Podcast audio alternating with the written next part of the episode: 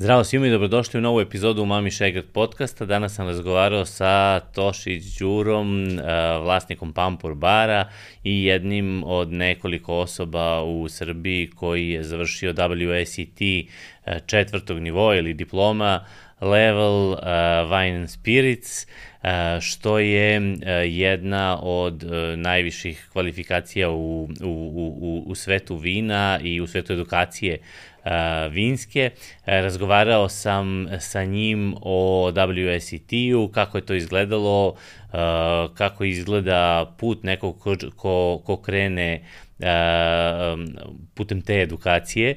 E, tako da pričali smo o Pampur baru, pričali smo o vinima, pričali smo o trendovima, o kineskoj e, ekspanziji u vinu, do nekih zanimljivih detalja smo došli, pričali smo o njegovom sajmu, e, u Square Nine-u, razgovarali smo i o e, uživanju cigara, on je poznat, pa i prodaj, poznat je kao veliki uživac e, cigara, tako da Uh, negde smo malo razdvojili pojmove profesionalizma i hedonizma i pričali smo o tome kako on negde se trudi uspešno ili ne što on kaže da razdvoji, da razdvoji ta, ta, ta, ta dva. U svakom slučaju pogledajte celu epizodu, hvala vam svima koji nas podržavate, ukoliko želite da podržite podcast i smatrate da ste dobili nekakav kvalitet iz ovoga što radimo, možete da nas podržite preko linkova koji se nalaze u opisu epizode. Hvala vam na tome. Za sve vas koji nas podržavate preko Patreona i Buy Me A Coffee platformi imat ćete snimljen bonus, ekskluzivni bonus materijal samo za, za vas, gde smo razgovarali o temperiranju vina i koji je najlakši način da se vino izdigne ili uništi, tako da je jedna zanimljiva Đurina perspektiva. E, u svakom slučaju hvala našim partnerima iz Metroa koji nas podržavaju i e, ekipi sa podcast.rs u čijem studiju snimamo. Uživajte u epizodi.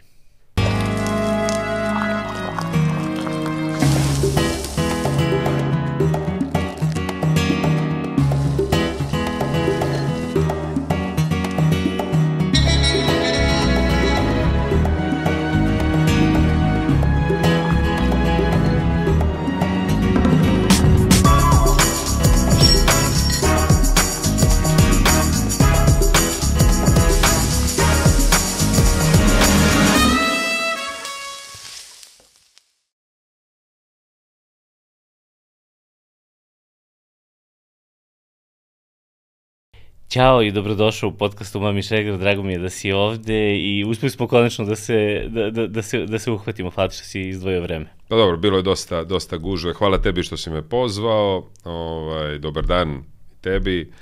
Bilo je dosta gužve u prethodnih dva, dva meseca oko nekih eventa koje smo pravili, koje sam organizovao, ali evo, imao sam želju da dođem pa smo našli tajming. Svaka čast. Ajde da krenemo ovako, krećemo od metro pitanja. Metro pitanje je ko je neko uh, gastronomsko iskustvo, nešto što si video, doživeo, probao, mm, iskusio na bilo koji način koje te negde inspirisalo ili usmerilo ili dovelo do, do, do ovog trenutka ovde u, u tvom bavljenju gastronomijom?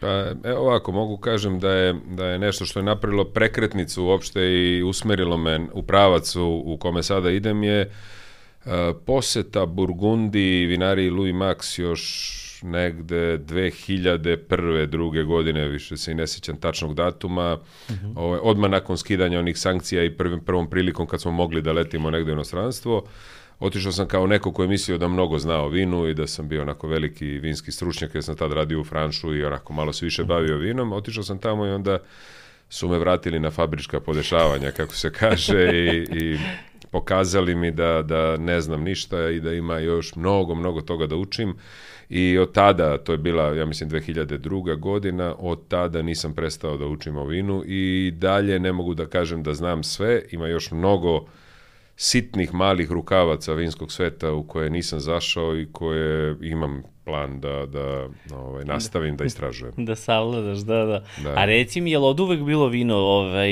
strast onako, je li... Pa, pa jeste, meni je, meni je, u stvari, detinstvo proteklo sa vinom, moja uh mhm. -huh. familija u Dalmaciji je imala, imala vinograde, nažalost vinogradi su sada zapušteni, pošto se nalaze na teritoriju kome više nema mnogo ovaj, srpskog stanovništva, O, I tako da sam kao mali se bavio vinogradarstvom u, u pravom smislu te reči, to podrazumeva i, i sve one neprijatne poslove, uh, osim samo konzumiranja vina, jer sam bio suviše mali i dete da bi mi dali da to konzumiram u količinama koje sam možda ja tad hteo. Uh, Tako da i to negde odredilo nešto u životu i odredilo pravac. Kad sam počeo se bavim ugostiteljstvom, počeo sam sa 17 godina, vino tada nije postojalo na prostorima bivše Jugoslavije. Ja sam došao iz Herceg Novog u Beograd. Mm -hmm. uh, u Herceg Novom sam radio u nekim kafićima koji su tada bili jako i poznati i popularni. A prvo pravo iskustvo u Beogradu je bio restoran Franš. Imao sam sreću u stvari da dobijem za mene najvećeg mentora ugostiteljstva Nikolu Dimitrijevića, i čoveka koji isto i za tu Burgundiju zaslužan jer je verovo da ja treba da idem, a ne on i su, malte ne mi ustupio svoje mesto i poslao me tamo. Tako da sam u Franšu počeo se bavim vinom jer je nakon, nakon 99. iskidanja sankcija krenula da ulaze neka uh, vina uh, iz sveta u Srbiju i Franš je bio kao što je u svemu bio uvek neki pionir i, i, i neko ko, ko prvi počinje da uvodi neke trendove, tako je počeo da uvozi, uzima ta vina i meni je to bilo zanimljivo, strašno. I tada sam počeo da se bavim. Eto, to je Tu, tu je krenulo. Tako je, tu je krenulo, onako, ozbiljno pričamo o, znači, 90. i, recimo, 9. godini, 2000. godini, kada to baš uzima šta mnogo se, daha. Šta se tad nalazi ovaj, na vinskim kartama? Joj, katastrofa, mislim. A, jel da? Katastrofa. Jel pa. bila ona varijanta kao srpska vina? Pa, bila je, ne, bila je vinska, vinska karta je bila možda, koliko se ja sećam, na jednom papiriću veličine flajera koji se sada nalaze u kafićima, ona kojima kažu da ima četiri koktela, pa Vina kojih se ja sećam iz tog vremena su, uh, tada je bio 13. jul, uh -huh. nisu još uvijek bile plantaže, ime promenjeno, 13. jul, Vranac, Krstač, uh, uh, Tikveška, Smederevka, Kratošija, Tga za jug, uh, sva ta neka vina koja, mislim, ono su suštinski danas na policama supermarketa, a redko u restoranima.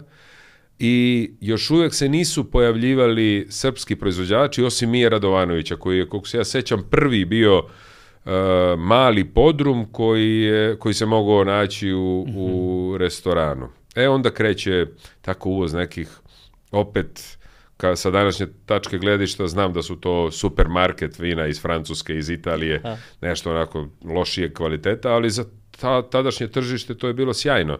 To je bio iskorak jedan ozbiljan u odnosu na no, to što su do tada imali. Znači, ja znam da je i Rubin Roze litarski bio jedno od vina koje je bilo u svakodnevnoj ponudi i trošilo se veoma mnogo u, u Franšu. Da, da, da, da, da, pa kako ne. Da. I, pa i špriceri i sve pa ostalo. da, pa tako zna, su. Zna se. Tako, tako je bilo, tako, tako, je bilo, tako je bilo u stvari moda, da.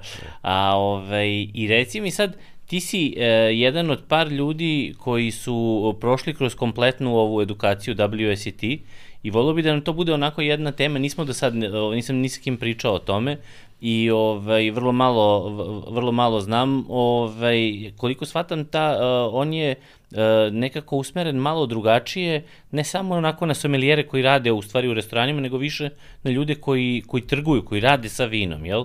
Pa evo, ovako ću pokušati da vam objasnim. Kroz moje to, tu mhm. vinsko znanje, vinsku edukaciju, uopšte prošao sam sve stepene, ne samo WSET, ja sam završio i srpsku školu za sommeliere, završio sam američku školu za sommeliere, radio neko vreme i kao predavač u američkoj školi za sommeliere, Uh, I kako sam naveo na početku razgovora, shvatio sam uh, odlaskom u Burgonju, sam shvatio da ne znam ništa o vinu i da moram mnogo da učim, tako me i dalje zanimalo kako mogu da unapredim svoje znanje i kako mogu da dođem na jedan veći stepen. A pošto sam u međuvremenu 2006 delimično napustio ugostiteljstvo, objasnit ću zasto, i počeo se bavim uh, trgovinom vinom, uh, onda mi više nije bio uh, fokus da, da servis bude jedan od uh, predmeta s kojima bi se bavio i učio sve više i više, a to je upravo nešto što je WSET uh, mogao da obezbedi. Uh, da pojasnimo samo, WSET je Wine and Spirit Education Trust, uh, firma, u stvari udruženje, organizacija čije sedište u Londonu i koja ima podružnice po celom svetu. Uh, predavanja obavlja u četiri nivoa. E, prvi nivo je za onako lagane poznavaoce vina, e, predavanje i, i testovi koji se odrađuju u toku jednog vikenda.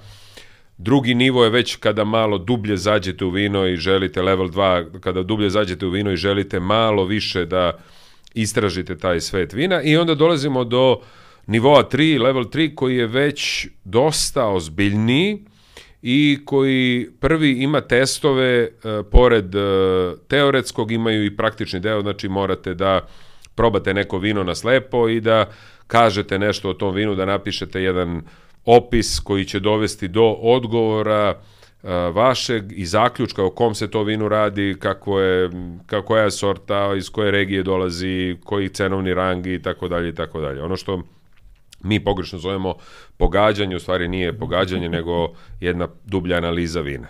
Poslednji nivo u, u, u sistemu edukacije Wine and Spirit Education Trust je diploma, u momentu kada sam ja studirao, ja sam završio uh, školu uh, u novembru 2019. a diplomu dobio da u januaru 2020.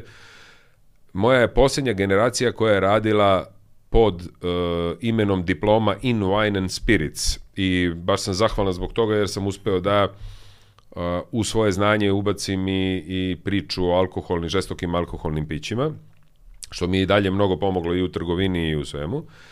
I sistem te diplome, znači diploma, sama predavanja traju oko dve godine i da bi uspeli da završite sve ispite, potrebno je pa minimum tri godine da to uradite onako kako treba. Svi ispiti e, koji su vezani za sama pića, a postoje ispiti koji se ne bave samo, uh mhm. -huh. samo pićima, već i biznisom, e, zakonodavstvom, e, politikom vinskog i, i al, sveta alkoholnih pića. Svi ispiti koji se bave samo pićima se sa, sastoji iz dva dela, to je teoretski i praktični deo i na, te, na praktičnom delu uvek imate ispred sebe čaše za koje ne znate o čemu se radi, morate da napišete jedan mali esej od svakoj od tih proizvoda i da kažete i da analizirate i da kažete o čemu se tu radi.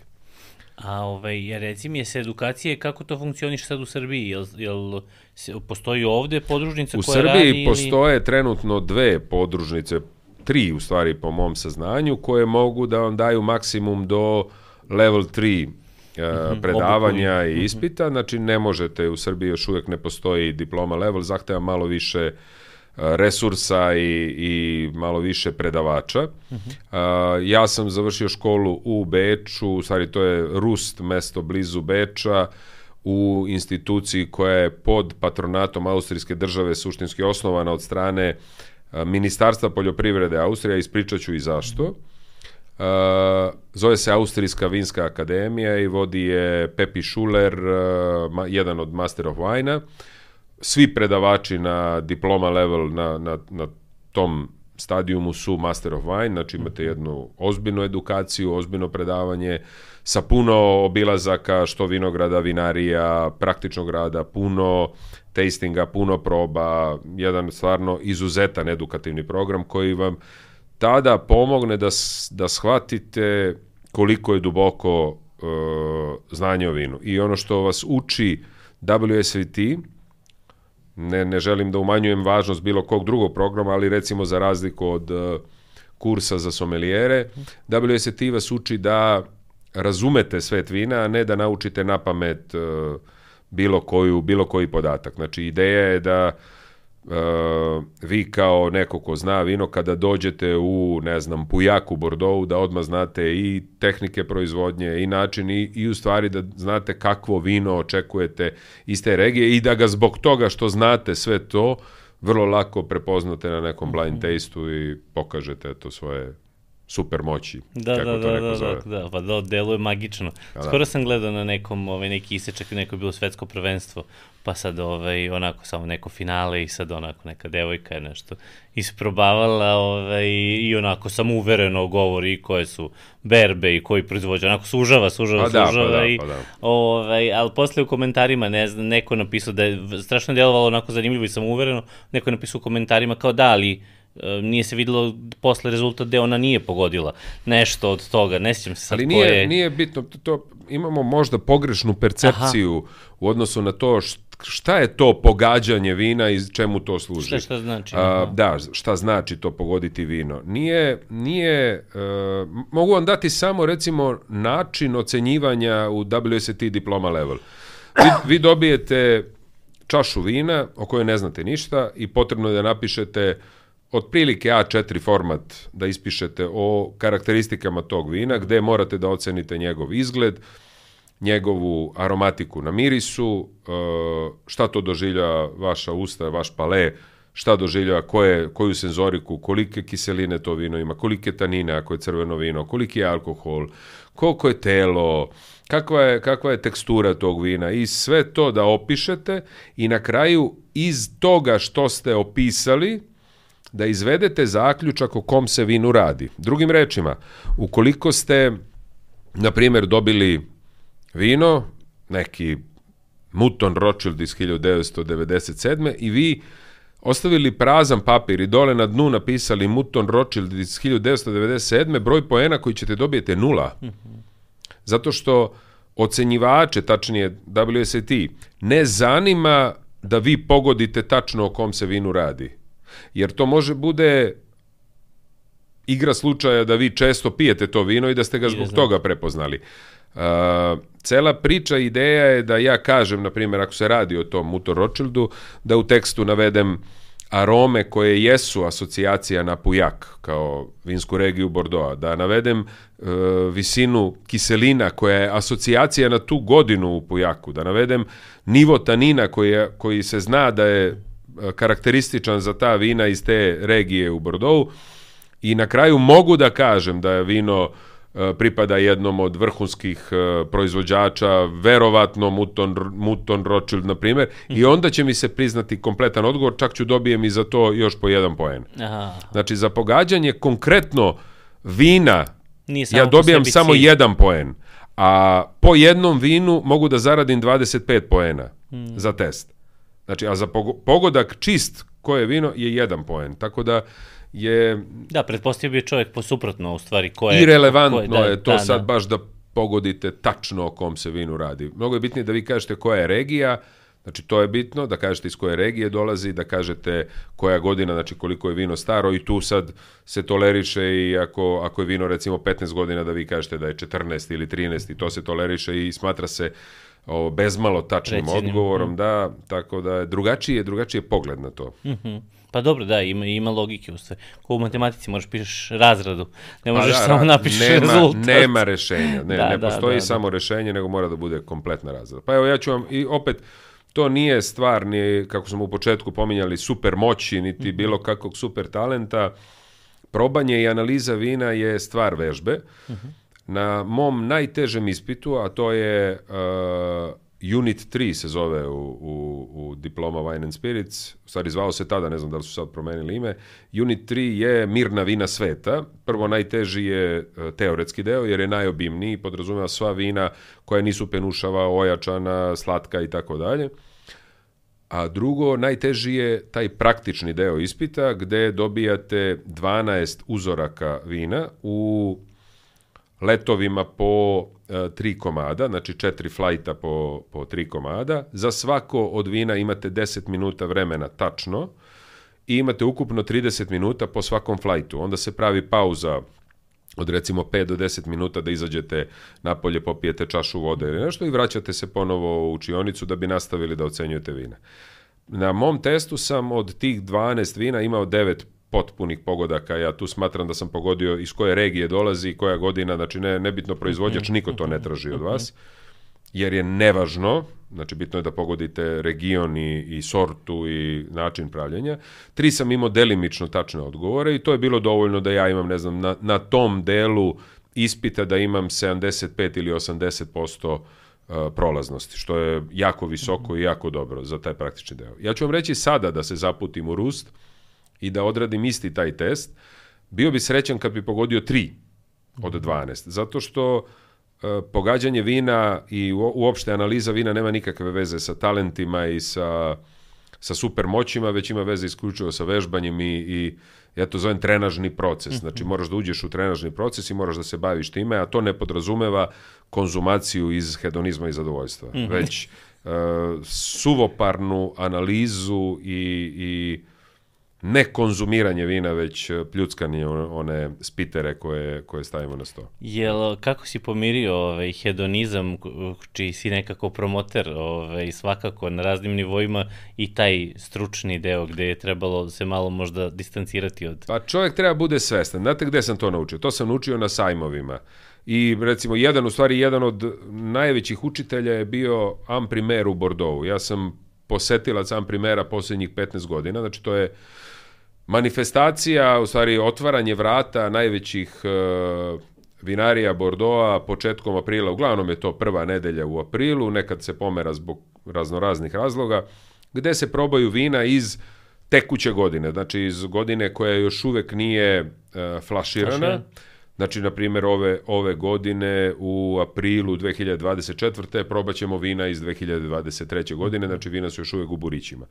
I moj prvi amprimer je, pošto sam pisao svako vino o kome, o kome, koje probam i smatram da je to jedini profesionalni pristup bez obzira gde ste, na sajmu ili, ili ako ste profesionalac i ako nemate kod sebe olovku i papir, ja smatram izgubljenim vremenom što ste došli, posjetili, to je onda hedonizam, to je onda uživanje, to nije profesionalizam. I kada sam shvatio prvog dana, kad sam se vratio u hotel, uh, da sam tog dana probao 80 različitih vina, a da sam bio pripit, iako sam, iako nisam proguto ni jedno vino. I čovjek treba da, ako se baviš profesionalno ovim poslom i sad dođe mu, na primjer, pomenuti, ne znam, Muton ili evo sad da idemo na nekog drugog, da kažem, došao sam u Lafitte, Rothschild i kažem, žao mi je da pljunem. Ne, ne treba da bude žao. Zato što nije, taj moment nije namenjen hedonizmu, već je namenjen poslu i profesionalizmu. I prosto moraš da razlučiš u svojoj glavi šta kad šta želiš. Mm -hmm. Sinoć sam ja uživao u vinu, ne pomišljajući da ga analiziram na način na koji to radim kad, kad to pravim za, za profesionalni deo posla. Mm -hmm. Jer onda ću sebi upropasti mogućaj. Da, da, da, da, da. Znači negde je, negde je nepomirljivo. Pa samo, skoro, samo, samo ga pa treba, skoro nepomirljivo. Samo, yes, samo ga yes. treba razdvojiti. Pa, da. A reci mi kako si ovaj, um, u, u Austriji, jel moraš da odeš tamo u komadu pa si proveo neko vreme ili nešto ne, putuješ, kako to izgleda? Suštinski ovako, kad je level 3 u, u pitanju bilo dosta jednostavnije. Imali smo dve sesije od po 10 dana, ja mislim, ta otprilike desetak dana, u koje moram da odem tamo i pristujem predavanjima, onda su oni ukomponovali i ispit da bude na kraju jedne od tih mhm. sesija, ali pre toga si dobio gradivo koje moraš da pređeš i i tako. Međutim, kod diploma, diploma je dosta kompleksnija i dosta jača, e, tako da je bila e, putovanja, pa otprilike recimo jednom u dva meseca ili jednom mesečno, po, isto tako po pet ili sedam ili deset dana kako kad se poklopi, da budem na predavanjima i na, na, na, u samoj Vinskoj akademiji, a onda imaš vreme kući koje moraš da provedeš učeći, koje mora da se shvati baš, baš ozbiljno. Kad kažem baš ozbiljno, mislim mnogo ozbiljno. Da ako misliš da ćeš vrlo lako da prođeš neki od ispita, tako što, to što imaš neko prethodno znanje, to se i briše sve, prethodno znanje ne važi ništa jednostavno moraš da naučiš da razmišljaš na način na koji Englezi e, to traže od tebe. A to je da razumeš vino i da kad ti postave pitanje, a na diploma level nema ABC odgovora, e, kad ti postave pitanje da daš konkretan odgovor na to pitanje. Većina ispitnih pitanja su esejskog tipa, Znači, na svako pitanje moraš da napišeš esej koji je opet minimum 4 ili 5, ne znam, A4 formata i da u tome tačno pogodiš ono što su te pitali. Da. A pitanja neka znaju budu vrlo čudna. a, ovaj, a koliki je izazov bio, uh, sad kad dođeš kući, pretpostavljam da, ovaj, da imaš i deo taj koji je vezan za isprobavanje, ovaj, za degustacije vina gde ti sad vežbaš, što kažeš, imaš taj trenažni proces. Koliki je izazov bio doći do vina na kojima možeš da vežbaš? Pa Ovde, imam, obzirom imam, da nisi tamo. Pa u pripremi, u stvari u trenažnom procesu za, za polaganje ispita na, na Vinskoj akademiji, uh, imao sam sreću da sam od 2011. otvorio svoj wine bar. I upravo je tu, recimo, ključ. Nisam ja imao vina, niti sam ja znao koja će vina tačno da budu na, na ispitu. Vi samo znate da mogu da budu određeni stilovi vina, da, da kažem recimo, može bude Sauvignon Blanc iz Malbora. E sad, da li će to da bude Claudi Bay ili će bude Villa Maria ili ovo, ponavljam još jednom, potpuno irelevantno koji je proizvođač. Mora da se zna stil regiona. Pa može da bude recimo, ne znam, Merlo iz Centemiliona. Nije bitno ni da li je Grand Cru, mislim, bitno je da vi to kažete, da se radi o kvalitetnom vinu, ali prosto Merlot iz Centemiliona.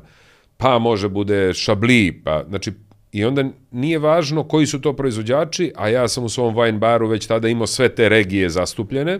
Imao si širinu I- u stvari. I imao širinu, imao pristupa svemu i moj dan je izgledao tako što dođem prepodne tamo, uh, izdvojim se negde gde sam sam, gde, gde mi niko ne smeta, oni mi donesu tri čaše na kojima napišu brojeve 1, 2 i 3, oni znaju šta ja pijem, ja nisam znao i to sam recimo ponavljao dnevno dva ili tri puta, ali ne samo tri, nego bude šest ili osam čaša. Otvorimo vina, pa sutra ta ista vina oni zatvore, pa mi sutra daju da ponovo ta vina dok maltene ne potrošim celu bocu na probavanje da utvrdim tačno šta je karakteristika koje regije da tačno mogu da prepoznam sutra tu regiju bilo kog proizvođača. Da, da, dobro, to sve zvuči kao ultra ozbiljan ovaj, Pa i baš, projekat i, i baš skup ultra, i vremenski. veoma, veoma i- skup, veoma, veoma skup. Ovaj, I koliko je negde to...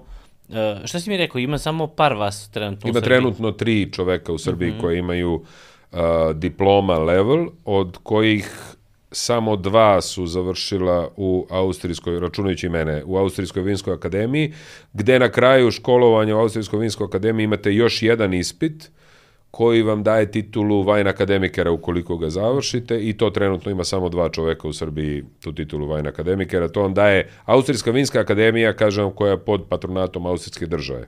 Aha. Mogu na kratko da kažem samo kako je došlo uopšte do stvaranja Austrijske vinske akademije i zašto.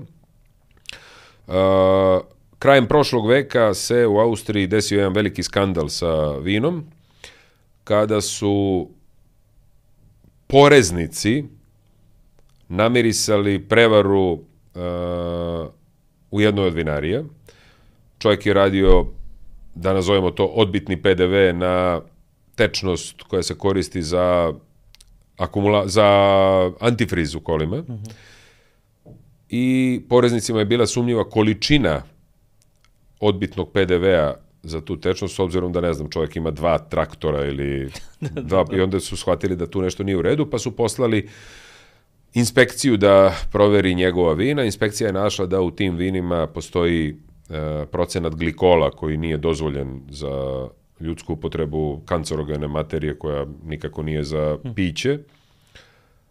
Sproveli detaljnu analizu i pretragu mnogih podruma i pronašli preko 50 proizvođača koji to stavljaju svoja vina. Razlog je bio što je to bilo vreme uh, kada se cenilo uljasta struktura vina kada pričaju pa kaže vidi kakve noge ima vino kad se spušta na čašu, Da, da, da. vidi Suze kako je gusto suze, Aha, jeste? aha. Što naravno nema veze s kvalitetom vina, ima jednostavno veze sa podnebljem iz koga to vino dolazi i to vam daje neke neke smernice o, kom, o kojoj se regiji radi, o kakoj klimatskoj zoni se radi kad vidite debljinu, a nema veze sa samim kvalitetom vina.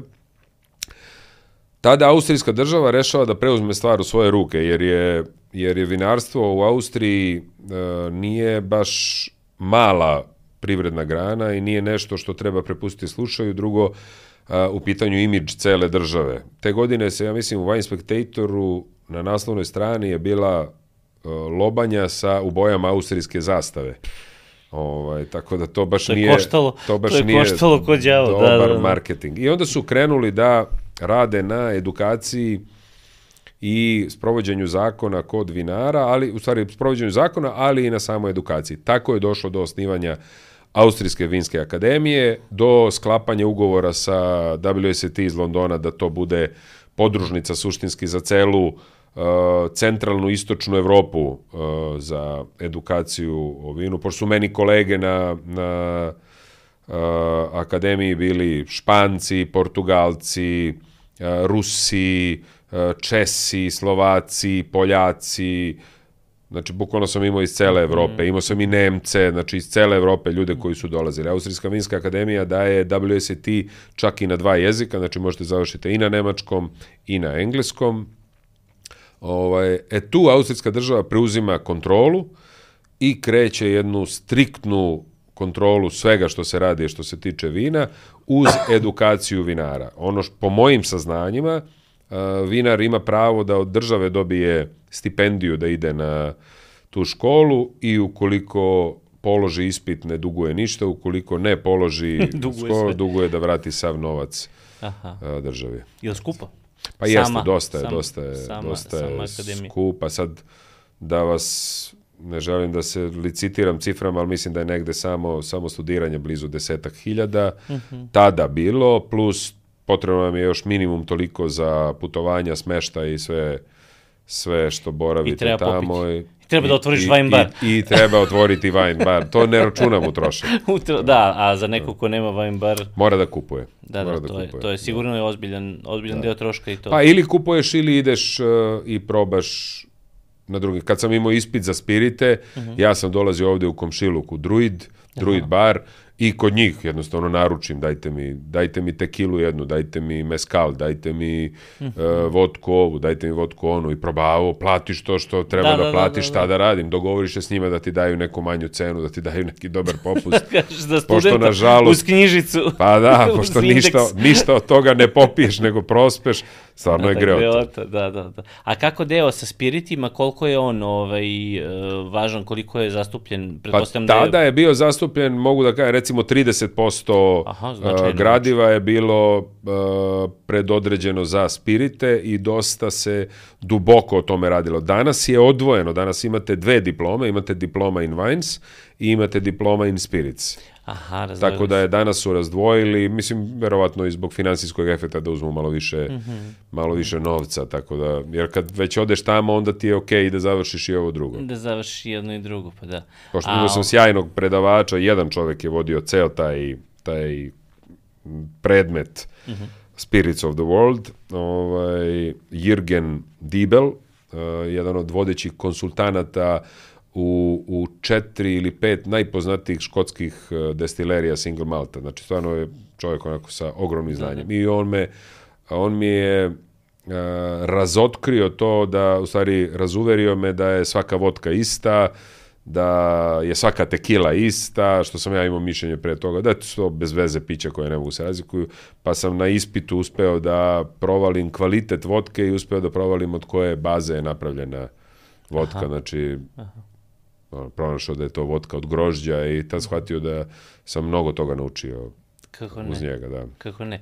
A reci mi, gde je u celu priču, u kom trenutku ulazi, e, da vratit ću te, rekao si, ovaj, tu negde 2006. pravim pauzu od ugostiteljstva, Jeste. gde se pojavljuje ovaj Pampur bar u to? Pa ja sam 2006. otišao iz Franša i e, počeo da radim kao wine manager, kao neko ko se brine o vinu u firmi e, koja je tada se zvala Todi Gebruder Heinemann GH, to je bila joint venture između Gebruder Heinemana, jednog od najvećeg svetskog duty free operatera i, i Gorana Todića, srpskog preduzetnika koji se tada bavio trgovinom pića.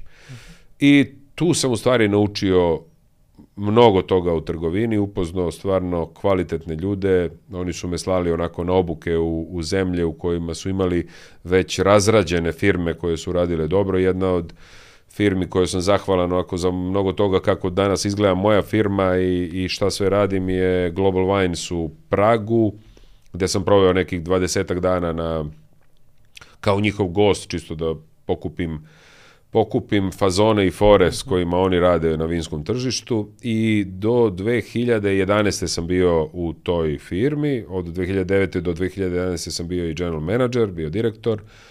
Napravili smo onako dosta veliki uspeh kao firma, uveli neke poznate brendove, između ostalog Antinori u Srbiju, koji tada nije bio prisutan. I nakon toga ovaj, ja napuštam firmu, pošto Nemci odlučuju da izađu iz uh, Srbije, ne samo iz Srbije, izašli su iz Hrvatske, iz Bugarske, iz Makedonije, iz Rumunije, ostali su samo nešto malo u Mađarskoj, a ovo ostalo su sve zatvorili te podružnice, rešili da im ipak bolje da se bave samo duty free poslom i ja otvaram Pampur bar koji sam e, u stvari prostor taj sam kupio dve godine pre toga, međutim pošto sam se bavio firmom e, kao direktor, nisam imao vremena da, da se bavim tim prostorom i izdavao sam, tada je to bio restoran La Valeta, se zvao mali restoran, oko nekih 30 mesta, e, i onda sam rešio da napravim jednu lepu vinoteku i, i wine bar sa malo čudnom filozofijom za to vreme i dosta dosta teškim pristupom uh po tadašnjim poimanjima. Koje je to godine? To je 2011. Pampur bar otvoren 24. septembra. O, a što, šta, šta, šta Pa, znate kako, moja, moja filozofija je tada bila, ok, bavim se vinom, uh, bavim se ugostiteljstvom dugo, znam ugostiteljstvo, znam vino, logičan, uh, logična jednakost je wine bar, znači otvori nešto gde se vino pije i da ima puno vina. Uh, nisam želeo da otvorim kafić ili restoran koji se naziva wine bar, uh, što je negde dosta česta praksa, uh, ne samo u Beogradu, nego i u gradovima regiona. Znači, otvori se nešto gde možda piješ sve, a zove se wine bar zato što ima umesto... Akcenat je kao na Da, vinu. umesto 12 vina ima 14 vina na raspolaganju. Moja ideja je bila da imam 800 vina ili 1000 vina i da se to pije. Pa je bilo jako teško preživeti te prve dane, pošto u početku sam bio ja i, i, i konobar, i magacioner, i šanker, i kuvar, i sve što je moglo da se radi. Ovaj, imao sam ideju da nemam ništa od in pića i ništa od onog što se prodaje svuda. Tu su spadali pre svega Coca-Cola, pa Jack Daniels, pa ne znam, Chivas, pa Johnny Walker, pa Ballantine, pa jednostavno sam rešio, ne, imat ćemo Konfekcije. vina, jeste, Aha. imat ćemo vina, da, imat ću spirite, ali ću imat single maltove, neću da imam blended whisky koji možete kupiti u supermarketu, Coca-Colu neću da imam ni pod razno, ni imaću ceđenu, ni Pepsi naravno, što, je, što su bila pitanja tada kad kažem nemam Coca-Cola, dobro dajte Pepsi. Ajde, Pepsi kad mora. Da, da. I to je bio period koji je onako bio dosta, dosta težak jer e, gosti vide lep prostor, svidi im se prostor, uđu i traže da piju ono što su navikli da piju u drugim lokalima. I odgovor nemam e, odma prouzrokuje odgovor, e, pitanje zašto. A što nemate? I onda ja moram da objašnjavam svoju filozofiju, da jednostavno ne želim tako nešto da imam, da želim da imam wine bar, da želim da u mom baru e, gosti konzumiraju vina. Ukoliko ne želite da konzumirate alkohol, ja vam pravim limunadu i ceđenu pomoranđu, što smatram prirodnim sokovima i koji nisu brendirani ni jednim logom, ni jednim brendom i ne može niko da vam kaže da me neko platio za to. Jednostavno želim da budem samostalan i, i bez ikakvih ugovora i bez ikakvih e, Pritisaka, da. pritisaka što se tiče marketinga. Eto. Nije bilo lako izdržati. I dan danas to tako Jeste, nema i dan danas. Coca-Cola. Znači, izborio si se. Vidite ovako, prošvercuju neki dragi prijatelji i dragi gosti Coca-Colu i zbog toga kad vidite nekoga u pampuru da pije neko piće iz tamne čaše, znate da je tu unutra ili Coca-Cola ili pivo koje takođe nije bilo od početka. A i pivo, jel da? Da, ali sada postoji, pošto Aha. sam onako e, rekao, ok, ako imam već, ako imam već, e, kako se zove, dobra vina, dobro sve, i ako treba da imam pivo, ako ljudi traže, onda ću da nađem nešto što, što je po mom mišljenju specifično, drugačije i posebno. I nedavno sam pronašao Čiprijani piva, onako Čiprijani porodica mi opet ugostiteljski, ne znam kako da nazovem, ozbiljan ugostiteljski brend i ovaj, kad sam probao njihovo pivo, shvatio sam da je to nešto što bi moglo da nađe mesto u mom baru. Bezobrazno su skupa, znači kažem vam, nemojte se zaletati, pitajte za cenu.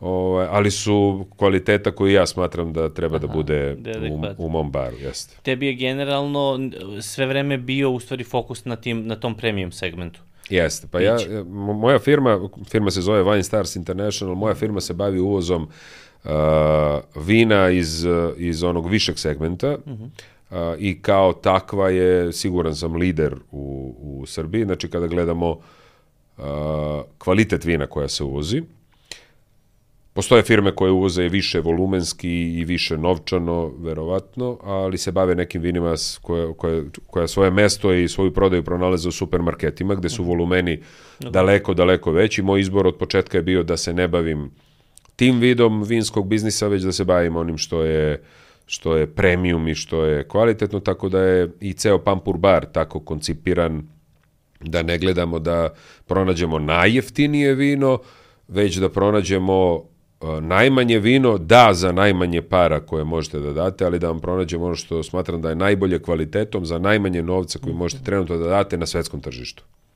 I koliko si, ovaj, koliko si danas uključen u, u, ovaj, u, u rad sam u Pampur baru i u smislu prodaje i u smislu neke možda preporuke, koliko si tu, Pa, pa da... manje nego što sam bio pre, zato što se u Pampuru oformila jedna ekipa koja koja je već dovoljno samostalna i, i misleća, da tako kažem, i ljudi koji su shvatili filozofiju i moj pristup i to primenjuju. I dogod ja vidim da se primenjuje taj moj pristup i moja želja, ja sam zadovoljan i nemam problem. Da li će profit da bude manji ili veći, nije ključno u svemu tome. Pampur Bar opstajao već 13, 13 godina kao kultno vinsko mesto u Beogradu i ima svoju publiku i dolazi stalno i nova publika.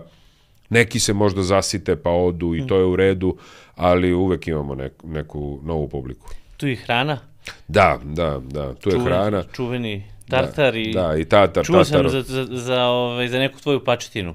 Da, i, i Zdravko je pomenuo, to nisam, ovaj, to nisam Patka. probao. Pa ne, da. znate kako, od početka su bili u pitanju standardi. Znači, ako hoću da pravim patku, pravit ću ono što je e, slobodno gajeno, domaće, e, gde meso ima potpuno drugačiju i teksturu i boju i kvalitet i pravit ću samo toga. Dok to mogu da nabavim, to je u redu. Ako ne mogu da nabavim tako nešto, nema. Ista filozofija je, ne znam, ako tražim biftek, da pravim tatar biftek, tražim gde mogu u gradu da kupim najkvalitetniji biftek od koga ću vama da pravim tatar biftek. Ista priča je za tunu. Znači, opet gledam gde ću da nađem naj, najbolje što možete da dobijete. I nema kompromisa kvalitetu. Nema zamena e, sirovine za nešto što je manje kvalitetno da bi samo ispoštovao ime proizvoda. Znači, ili, ili imam, ili nemam. Da, da. Puževi su isto zanimljivost u Pampuru, a puževi su opet ostali od onog prvo, prve posete u Burgundiji kad sam prvi put probao kako prave, kako oni zovu, escargot bourguignon. I ovaj, onda mi je to bila želja da ja to imam i u, nekada u svom lokalu, eto, taj, taj deo se ispunio i shvatio sam koliko je u stvari u Srbiji teško nabaviti puževe, jer sve, To sam ti da te pitan, kako je... Ja, sve što proizvodimo, izvozimo, znači sve što Srbija proizvede, izveze. Bukvalno sam molio čoveka koji je izvoznik da mi ostavi jedan mali deo isto kada, kada ima, ima, kada nema, nema zato što ne mogu da nabavim. Ja sam u par navrata ovaj, nešto pokušavao da, da, da, da nabavim i to je svaki put se pokazalo kao, Mnogo teško. kao, ovaj, mnogo kao teško, komplikovano, da, i potpuno si ono nebitan kao privatni kupac. Ma ne interesuje. Mali, ma jok, ne, potpuno zanima ono. Koliko god da kupiš, to je, to je Da, sitno. ali ja ih razumem, to je njihov biznis i, Logično. i to je Logično, potpuno da, u redu. Šteta, šteta što nemamo toga. Ove, šteta što nemamo toga više, to je uvek pričam, nekako mi uvek fali francuskih ove, nekih uh, i restorana i nekih bistroa u Beogradu, uvek me čudi što, ove, što taj nekako pravac ne hvatamo. Budimpešta mi je tu predivna kako su oni Jest, nekako jest. inkorporirali francuski stil bistroa sa svojom nacionalnom kuhinjom i to mi je onako tu uvek vidim kao pravac, kao to bi moglo, to, to, znaš, to bi moglo tako nekako i u, i u Srbiji, da se radi, uvek mi fali, ovaj, kad si pomenuo puževe, Pa pa da. da se malo iskukam. Ovaj, e sad reci mi u Pampur baru ovaj, si između ostalog prodaju i cigare, Da, da. ti si poznati ovaj, uživaoc ovaj, cigara i ovaj, Zdravko mi je odao jednu, ovaj, jedan, jedan kuriozitet, on kaže, ovaj, kaže da kod tebe postoji nekakav pehar koji još uvijek nema pločicu. Da, Da, još da deluje nije, da, kao, da je, ovaj, kao da je kupljen u radnji, a da nije, a da nije dodeljen i da tako godinama ovaj, traje. Za šta je pehar? Pa kad je, u stvari Zdravko je, Zdravko Brkić, da, da znaju ljudi o kome pričamo, je krivac uopšte što sam ušao u svet cigara. A, sa nekih svojih 30 godina sam ostavio cigarete potpuno i nisam pušio do negde 40. godine kad je on jednom izvadio iz košulje na svoj način cigaru i dao mu, ja mu kažem pa ja ne pušim, on kaže pa si ne pušenje, puši. ovo je užavanje, uživanje. I tad sam počeo, tad sam počeo da ulazim u svet cigara i onda sam sve dublje i dublje ulazio u to i shvatio da jednostavno mi se sviđa taj oblik hedonizma i volim da uživam u tome i onda ljudi to vide koji dolaze u Pampur i verovatno vođeni sa time i, i sa osmehom koji ja imam na licu kada to, kada to konzumiram. E, Krenulo je neka prodaja potpuno, verujte, bez ikakvog pritiska, bez ikakvog guranja, bez ičega da sam, ne znam, te godine bio proglašen za najboljeg prodavca cigara u Srbiji. Pričamo o Pampur baru koji ima 40 kvadrata i lokal koji nije namenjen prodaji cigara, nego, nego je to bio wine bar. Da, da, nije cigar lounge Tako neki. da sam i ja bio te godine onako iznenađen. To- Tad mi je Zdravko dao taj pehar na koji i danas nije stavio pločicu čemu služi i taj pehar deluje kao vazna za cveće, stoji tamo i eto. Tako da pozivamo Zdravka da odradi neku da, pločicu. da, da, da nešto iz, izgravira. Ovaj, a reci mi, ovaj, e, cigare su, nekako nisi ulazio profesionalno u taj Pa nisam, to je, to je nisam, samo ovaj deo nisam. To je baš hedonizma, jel da? hedonizam. E, Bio sam ja i učio kod Zdravka, išao par puta na njegova predavanja, ali smatram da nije bilo kojim poslom da se bavite, nije dovoljno odslušati jedno predavanje ili pročitati dva časopisa, bez obzira da se zovu Decanter, Wine Spectator ili Cigara Finicado, da je potrebno mnogo, mnogo više truda i mnogo, mnogo više znanja da bi mogli o nečemu da pričate i, i e, komentarišete. Ja cigare mogu komentarišem u nivou da jedan stil volim ili jedan stil ne volim. Zdravko me smatra velikim, o, s- o, kako se zove, u stvari tvrdom kubanskom Tvrda strujom, komunističkom strujom u cigarama, što je tačno, jer uh, uz svo probavanje sada posebno uh, indukovano cenovnim rangom kubanskih cigara koji je višestruko skočio u zadnjih dve godine, probavao sam i tražio i u Dominikani i u Nikaragvi nešto što mene zadovoljava, ali nisam uspeo da nađem ni jednu cigaru koju rado kupim sledeći put. Dok se kod Kube uvek vraćam i uvek volim da, da to... Mada i u kubanskim cigarama postoje brendovi i, i vitole koje ne volim i koje ne, ne prijaju mi kad ih pušim. Ne znam, Partagaz D4 mi nije cigara koju ja sad obožavam i pre jaka mi je, pre intenzivna, pre začinska, ali ove, druge se vraćam stalno Nađeš. i volim, da. Da, nađeš. Ja sam bio ovaj, u nekom trenutku isto prošao kroz tu malu, tu zdravkovu školu ovaj, cigara i smatram i dan danas da je to jedno od lepših hedonizama koje čovjek jest. može sebi da priušti. U stvari bili smo zajedno. ja Jesmo u isto, da. jesmo Da, u isto vreme, istoj moguće, jeste. da. Znam da smo se tamo viđali, ali ne znam da li je bilo u tom. Ali to je, mislim, to je znanje koje ti omogući da možda na bolji način Mhm. uh, shvatiš te proizvode koje dobijaš. Eto, da nemaš Jest. zablude, ništa Jest, više. Jeste, malo. Ali znam da sam ove, pre toga ja nisam, nisam pušač cigareta nikad bio, ali kao nešto, to kao ono, klinački, one, one, one ovaj, raznorazne, uh, naparfemisane, one, Da, kako da, se da, zovu, da. one kafe neke i to. I ove, i to mi je kao nešto bilo zanimljivo, kao neko nekad zapali. I onda sam pričao, i znam da sam pričao tad s njime, ja kažem, znam, meni to sve dim. On kaže, dobro, kaže, ajde ovako, kaže, uzmi ti ovaj, deset nekih cigara ćeš da nabaviš, ti ćeš, kaže, da, da, ovaj, da uživaš u njima i onda ćeš da formiraš svoj koordinatni sistem. I to je to, kao sviđa mi se, ne sviđa mi Tako se.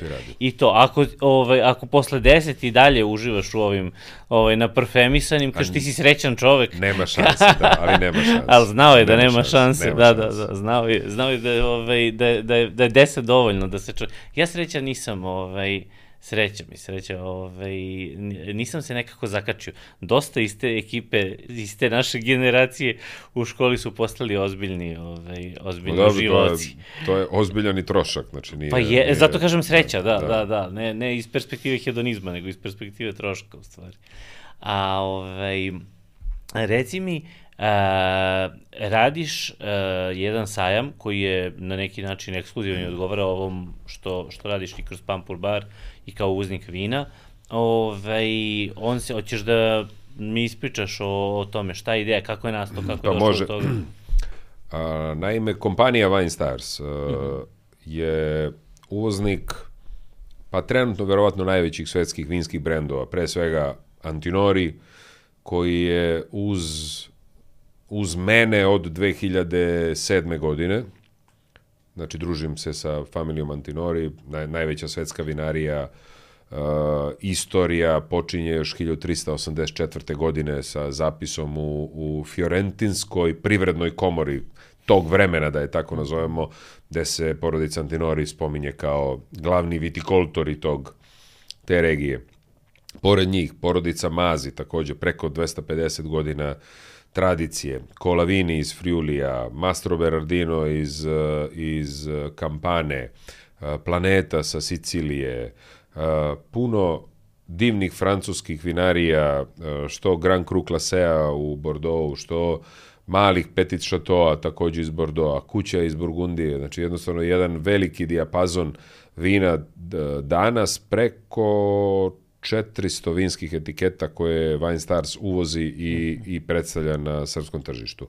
Pored samih vina, Wine Stars uvozi i venki čokolade i Čiprijani proizvode, one koje sam, koje sam pomenuo, znači kod, kod Čiprijani imamo čak i, i hranu, imamo divne paste, soseve njihove, uh, piva, belini, džin, tonike, svašta nešto, tako da je ideja sajma se rodila još prošle godine, A sama ideja potiče od one firme koju sam pomenuo iz Praga, uh -huh. gde sam video kako oni organizuju i kako prave sajam još 2007. godine. Taj sajam nije sajam u stvari, nego je nešto što bi možda pravilnije bilo nazvati portfolio tasting, gde e, svoje proizvode jednom godišnje uh -huh. izneseš svojim kupcima i ti biraš koga ćeš da pozoveš, i ti biraš ko, će da, ko, ko može da dobije i, ili kupi kartu. Karta je bila uh, skupa iz prostog razloga što je želja moja i mog partnera i, i cele firme da na tom sajmu imamo posetioce koji će reći aha, ne znam, 150 evra, 200 evra, znam šta ću da probam, jer si mogao da probaš Solaju, jer si mogao da probaš Tinjanelo, jer si mogao da probaš Červaro, jer, si, jer smo otvorili ce, celu Pata Negru Bejotu, jer, znači, ono što si dobio je za vredelo tog novca. A onaj ko nije svestan da to vredi tog novca, nažalost nije, nije konzument koji nije ni konzument, da, treba da bude tu. Pa da, mm -hmm. pa mhm. da. Održava se u... Održava se u Square Nine-u. E, opet ideja je bila, pošto je premium segment proizvoda s kojima radimo, e, pokušaj je bio da nađemo partnera u izvođenju tog sajma koji će takođe biti iz premium segmenta, znači da ne pravimo masovnu manifestaciju, već da napravimo nešto što je usko, premium i profesionalno i onda smo uspeli da napravimo dogovor sa Square Nine-om, ja se nadam da ćemo uspeti i sledeće godine. Uh mhm. -huh Ovo, iako on taj dan ugasi uh, oba svoja restorana zbog nas, otera svoje goste sa doručka da bi mi mogli pre toga da, da, da namestimo sto, premesti ih u drugi restoran, znači baš uh, uradi mnogo toga da nam omogući da možemo da održimo sajam tu. Kad je sledeći? Sledeći će biti opet početkom oktobra, ovo je bio 7. oktobra, -huh. sledeći će biti opet početkom oktobra, još nismo ustanovili datum uh, zbog Square Nine-a, kad se dogovorimo sa Square Nine-om, znači. napravit ćemo datum, ali to će znati pre nove godine već koji datum Opa, je. Dobro, pa, da, pa. Da. Zajedno sa tim sajmom se svake godine izdaje i novi katalog proizvoda i, i ove godine izdat jedan divan onako katalog koji vam može bude ne samo katalog za izbor proizvoda, već i vodič kroz svetske regije i, i, i uh, svetske proizvođače vina. Uh mhm. -huh. Kad, si mi, kad kažeš sad svetske regije, ovaj, podsjetio si me, pričali smo malo pre nego što smo počeli da snimamo, ovaj, pomenuli smo Kinu i rekao si da ovaj, da imaš ideju ili si već u, pa da, pa da. u, u procesu ovaj, uvoza nekih vina iz Kine i ovaj, E, vrlo mi je zanimljiva ta priča i o kineskom, i o kineskom vinu i o projektu kineskog vina i o tome šta to nek, kako to negde utiče na, ovaj, na svet. Mislim da je bilo zanimljivo pa da, da, ovaj, pa da. da ljudi to, da čuje tu priču. Pa ove godine na sajmu su posetioci imali priliku da probaju. Imali su i mhm. prošle godine, a i ove godine su imali priliku da probaju vina iz vinarije Shangyu Moser, uh, šta znači ono Mozer u, u celom tom imenu, u pitanju je Lenz Mozer, jedan od vodećih evropskih vinara, i jedno od najpoznatijih imena Austrije i Nemačke vinarstva koji ima svoj projekat u Kini. Kako Kina funkcioniše uopšte, ako pratite razvoj kineskog e, vinogradarstva, pre deseta godina skoro pa da nisu ni postojali kao zemlja koja se bavi vinom, danas imaju oko 850.000 hektara pod zasadima, što je rame uz rame sa Francuskom i Italijom i suštinski su četvrti trenutno četvrta zemlja po površini zasađenih vinograda. Samo vin, vinarstvo još uvijek nije razvijeno do te mere, zato što se velika količina tih vinograda koristi za proizvodnju sušenog grožđa ili za proizvodnju alkohola, ne samo za proizvodnju vina. Međutim, kako su uzdrmali svetsko tržište pojavom kineskih milijardera koji ne pitaju koliko košta određeno vino, kako su uzdrmali svetsko tržište i povećali cene na svetskom tržištu svojom potražnjom za pa u nekim vinarijama i 200%. Mm -hmm. Tako smatram da imaju vrlo jasnu strategiju toga šta će se dešava sa kineskim vinarstvom u budućnosti. A to je da tako intenzivno sađenje vinograda sigurno nije bez ideje šta će da bude. Ono što mogu da ovako predvidim iz daleka i da gatam, a to je da će da u nekom momentu kada se njihovo vinarstvo, domaće kinesko vinarstvo razvije do te mere da može da podmiri potrebe e, velikog velike količine tržišta, tada će da uvedu ogromne namete na uvoz vina iz uh, celog sveta i to će završiti tako što ta vina više neće biti dostupna običnim ljudima i preći će da piju uh, kineska vina, jer je umeđu vremenu sa, sa dolaskom gomile francuskih vinarija, italijanskih vinarija, kinezi polako uče da konzumiraju vino i da piju vino. Ne samo oni najbogatiji slojevi, već i srednji slojevi. Da, da, znači prvo edukacija, pa onda prelazak jest, na, jest. Na, ovaj, na internu. Na internu pa ne vidim, ne vidim drugi razlog zašto se toliko sadi i zašto se dovode najpoznatija evropska i svetska imena vinarstva u Kinu kao konsultanti, kao razvojne strategije, kao Da, nema šta drugo da projektanti bude, vinarija, nema, nema šta drugo nego ako postoji vrlo jasan program i cilj. Što znači da u nekom narednom periodu ovaj, apsolutno mogu da postanu onako vinska velesila. Svetska vinska velesila, jest. Mm -hmm, sa, I to sa svojim. Pa da, pa vi, mislim, uh, vina su vrlo korektna, vrlo precizno napravljena, savršeno odražavaju ono što piše na boci, znači ono što treba, recimo, ako je u pitanju Cabernet Sauvignon, pokazuju tačno kakav, kakav uh, uh, eho taj Cabernet Sauvignon treba da ima na našem nepcu i šta treba da nam da. Mm -hmm. Šta će se dešava sve u budućnosti, stvarno ne mogu da znam, ali mislim da postoji jako jasan plan. Jel u ovom trenutku to više na nivou nekog kopiranja onog što treba da bude ili počinje i nekakav lični pečat da ne, daju pa tome? evo ova vinarija Shangyu Moser, ja ne mogu da je uporedim e, ni sa jednim svetskim regionom koji sam do sada probao.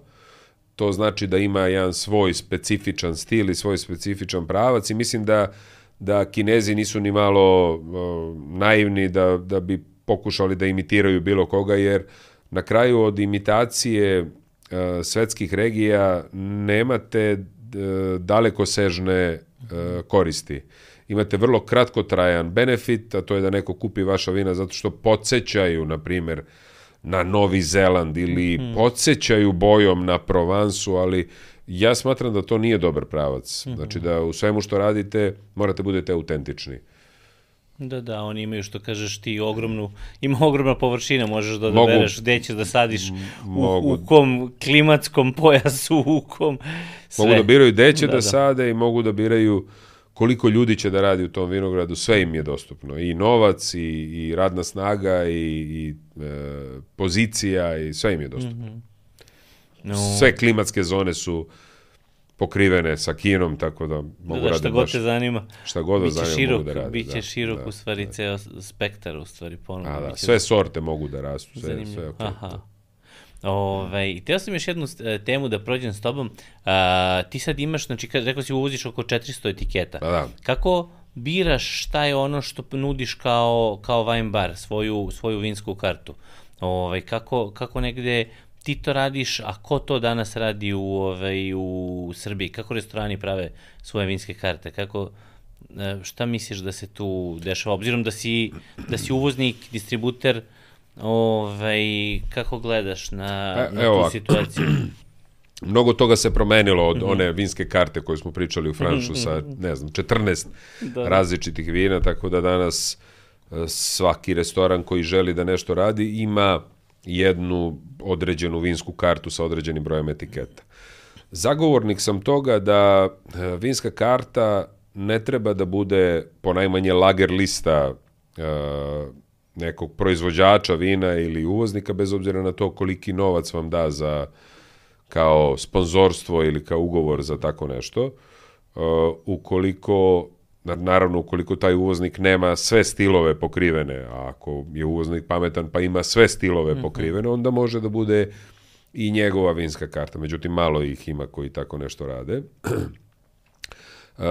takođe, u posljednje vreme, kada radim neku vinsku kartu, bavim se i dalje sa time, znači da, da kolegama iz restorana pomognem u tome da sastave vinsku kartu i da naprave, trudim se da e, izbor vina ne baziram uopšte po zemljama porekla, po regijama porekla, po, ne znam, boji, po ovome što je nevažno, nego po stilu vina. Znači, ako pravimo vinsku kartu i kažemo da taj i taj restoran ima, ne znam, na ponudi šest vina koje karakteriše svežina, hrskavost, lagano telo, e, sveža aromatika i to ćemo stavimo pod jednu grupu i tu ćemo stavimo i tamjanike i sovinjone, razumete? me? Pa onda kažem, aha, s druge strane hoću da imam neka bela vina koje imaju malo punije telo, kremastu strukturu, vina koje su odležale u hrastovim buradima, pa ćemo onda tu stavimo neki pulinji moroše, neki červaro, neki bon, neki a, planetu šardone, znači neka vina koja zadovoljavaju tako nešto. I smatram da je to komunikacija koja je dvosmerna kako sa gostima, tako i, i konobarima i osoblju koje radi servis, pomaže da preporuče vino. Jer je meni, kada dođem kao gost u restoran, nabrajanje vina sa vinske karte je besmisleno i ne znači mi ništa i jednako je kao nabrajanje jela. Ali ako ja vama dođem u, u restoran i kažem evo ja ne jedem meso danas, šta možete da mi pripremite? Pa nećete mi nabrajati mesna jela, nego ćete mi dati nešto drugo što se stilski uklapa u to što sam vam ja tražio. da, pa da, ako vam kažem ne volim ljutu hranu, nećete mi dati ljutu hranu. Ako vam kažem ne volim testo, nećete mi dati testo. Prosto pokušate da me slušate pa da mi napravite to jelo ili da ga izvučete iz vinske karte koje sam vam opisao. Isto smatram da je vina, jer vina su hrana, vina su nešto što je sastavni deo obroka. Isto tako smatram da je vino. Da nije, nije isto reći hoćete li šardone? Zato što šardone iz Nape i šardone iz Šablija nemaju ništa zajedničko osim Imen. sorte. da, da, da, da. A sve drugo im je različito. Znači, ne, potpuno različita tekstura, potpuno različit ukus, potpuno... Sve je različito. I ne bi da, da, da kupca tako usmeravate, da u stvari konzumenta tako usmeravate. Tako da je to način na koji ja pokušavam da pravim vinske karte, a dosta srećem vinske karte koje su nabacane i, i, i bez nekog preteranog uh, truda Promisli. napravljanje bez promisli, pa kao i jelovnike, znači kao i jelovnike. Imitirati, ne znam, jelovnik zato što Madera ima takav jelovnik je besmisleno zato što nisi Madera, Da, da, da, da, da. nešto si drugo. Kako da ne? Da, ili one univer, univerzalne. Pa one. uba, sve znamo o Paste, čemu, pice. da. Pa, pasta, pizza, Cezar, Cezar salata. salata. Da, da, da. Da, da, da, isto pretpostavljam imaš i u vinu, u stvari. Pa isto, ja, ja nemam ništa protiv da, da sutra, ne znam, u, u mom restoranu kažem nekome, ok, napravit ću ti Cezar salatu jer si mi drugar, ali smatram da nema potrebe uopšte da je držim u jelovniku. I opet ću se truditi i tu Cezar salatu da napravim sa nekim svoj svojim način. pečatom, na svoj način, da bude potpuno drugačija, da iznenadim tog čoveka kada je dobijemo. Ne da bude ono baš simple, simple kako je on to navikao da jede u svim uh, komercijalnim restoranima. Kako da ne. A reci mi, ovaj, sad, eto, a, rekao od 2011. znači koliko to sad 12 godina, pa, Pa da, bar, pa da. tako? Ovaj, a, koliko misliš da se promenila scena ovaj, i vinska i a, koliko su se promenili gosti i njihovi zahtevi, jel negde sad Pa lagodnije dramatično, dramatično. plivaš u uh, tome sa tim 2000 svojim pravcem? 2011. kad sam počeo da radim, ideja je bila da ima dosta vina na čašu. To je bila moja ideja. Dosta vina 2011. je značilo pet belih, pet crvenih, dva rozea i dva penušava. To je bilo dosta. Danas u Pampuru ja mislim da možete da popijete jedno 50 vina na čašu različitih. Plus sve što je visoke cenovne kategorije možete dobijete na koravin. Znači opet možete popijete i čašu Anželusa, no problem. Znači neko će vam sipa, daće vam, naplatit će vam koliko to košta i to je to. Da se samo vratim na, na znači smatram da su gosti u mnogome se razvili, znači da se tržište mnogo razvilo, da se podigao kvalitativni nivo vina u odnosu na to što je bilo 2011. ili drugim rečima 2011. sam ja nudio na čašu neki jeftini šardone, mislim jeftini, uslovno rečeno jeftini sa juga Francuske i to je bilo najprodavanije vino. Danas je prodavanije vino uh, od toga vino koje je četiri puta skuplje od njega. Znači, promenila se cenovna kategorija vina koju ljudi traže i sve idu ka većem i većem kvalitetu što je prirodno i dobro. Da ti ide uz saznanje. Da. E, šta sam još teo da se dotaknem samo jedne stavke koja je za, zadnjih dana baš onako mi nekako izlazi u glavu i, i, i pričam sa ljudima, pričam sa, pričam sa gostima restorana koji, koji se, da kažem, ljute na maržiranje vina. Jer ljudi sve više i više poznaju vina i sve više i više znaju koliko koje vino košta i šta je novac koji treba da izdvoje kako u Srbiji, tako i na svetskom tržištu. Znači, da uzmem jedan primer, recimo, jednog tinjanela, ako znamo da tinjanelo i svi znaju već da košta, ne znam, 130 evra u prodavnici, u wine, ba, u wine shopu, ovde, onda u Italiji kad odu, nalaze ga i dođete u restoran i neko vam to 350, pa ne osjećate se dobro. E, ja pokušam da objasnim kolegama, iako možda će neki da me ovaj kako se zove, kritikuju zbog ovoga, ali pokušam da objasnim da mi da mi oni pojasne evo damo primer imam primer svež jednog restorana i čovjeka koji mi je pre dva dana ispričao priču. Kaže, otišao sam u taj taj restoran i popio za veče tri Anželusa. Anželus košta, ne znam, 70.000 ja prodam tom restoranu ili 80, a taj restoran ga je prodao za 90. Znači, taj restoran je ugradio e, 10.000 dinara u cenu Anželusa. I čovjek je popio tri. Znači, restoran je profitirao 32-3 hiljade dinara. Razlika između tog restorana i onog drugog, kome je cena 160.000 za Angelus, je što taj drugi nije prodao ni prodao jednu ni bocu. jednu. ali ima mnogo bolju maržu. On kaže, ali moja marža je bolja. Ja kažem, znam, ali profit ovoga je bolji. Znači, ostvarenje ovog drugog restorana je bolje. On je zaradio 30... Dobra ti ti si- ideja, ali realizacija je nula. Ti si zaradio nula. Zašto? Zato što taj čovek koji je došao kod mene i koji mi je pričao tu priču i tekako dobro zna koliko košta Anželus. I rekao mi je, ja tamo odem i ja kad odem tamo ja otvorim tri. A kaže, kad odem na drugo mesto neću da otvorim ni jedan. Jer kaže, ne, ne, ono. I moje pitanje tome, kome je cena 160, pošto je on sumnjao da ja ovom restoranu broj 1 dajem po nižoj ceni, a ja ga pitam, dobro, po istoj ceni mu dajem, mogu ti pokažem fakturu, a moje pitanje za tebe, šta si utkao ti u cenu od 80.000 za otvaranje vina? Šta je utkano tačno tu? Šta je, šta je taj servis? Šta je to što je kupac dobio? Sa tvoje strane. Koja je to vrednost sa tvoje strane, osim vina? Znači to što je konobar prišao, otvorio bocu, to ne košta toliko. Čaše si dao čak jeftinije i lošije od onog što je dao restoran broj 1. Znači dao si jeftinije čaše. Šta je to cena koštanja koju su ti teo da naplatiš 80.000 dinara? I on stane i gleda me, ali tako se naplaćuje. Gde to piše? Ko je to rekao? Na tržišne. Što u stvari, što se više zna, utakmica postaje više tržišna u Pa stvari. da, pa da, pa to jeste tržišna utakmica. Da, da. I taj kupac će da dođe kod, kod tog restorana broj 1 i kod njega će uvijek da kupi vino. Da, u redu mu je da on, u redu mu je da zaradi, razume, jer- razume biznis. Jer ima pitanje, ako, ako evo pomenuću Zdravku Tamjanika Budimira, ako je platiš, ona košta, ne znam, 1000 dinara, i ako je platiš u restoranu 3000, znači restoran je inkasirao 2000 dinara od jedne boce otvaranja. U čemu je razlika u otvaranju Tamjanike Budimir i Šato Anželusa? Šta je drugačije? Šta ste promenili u toj Da. u tom odnosu? U najboljem slučaju čaš. Pa da.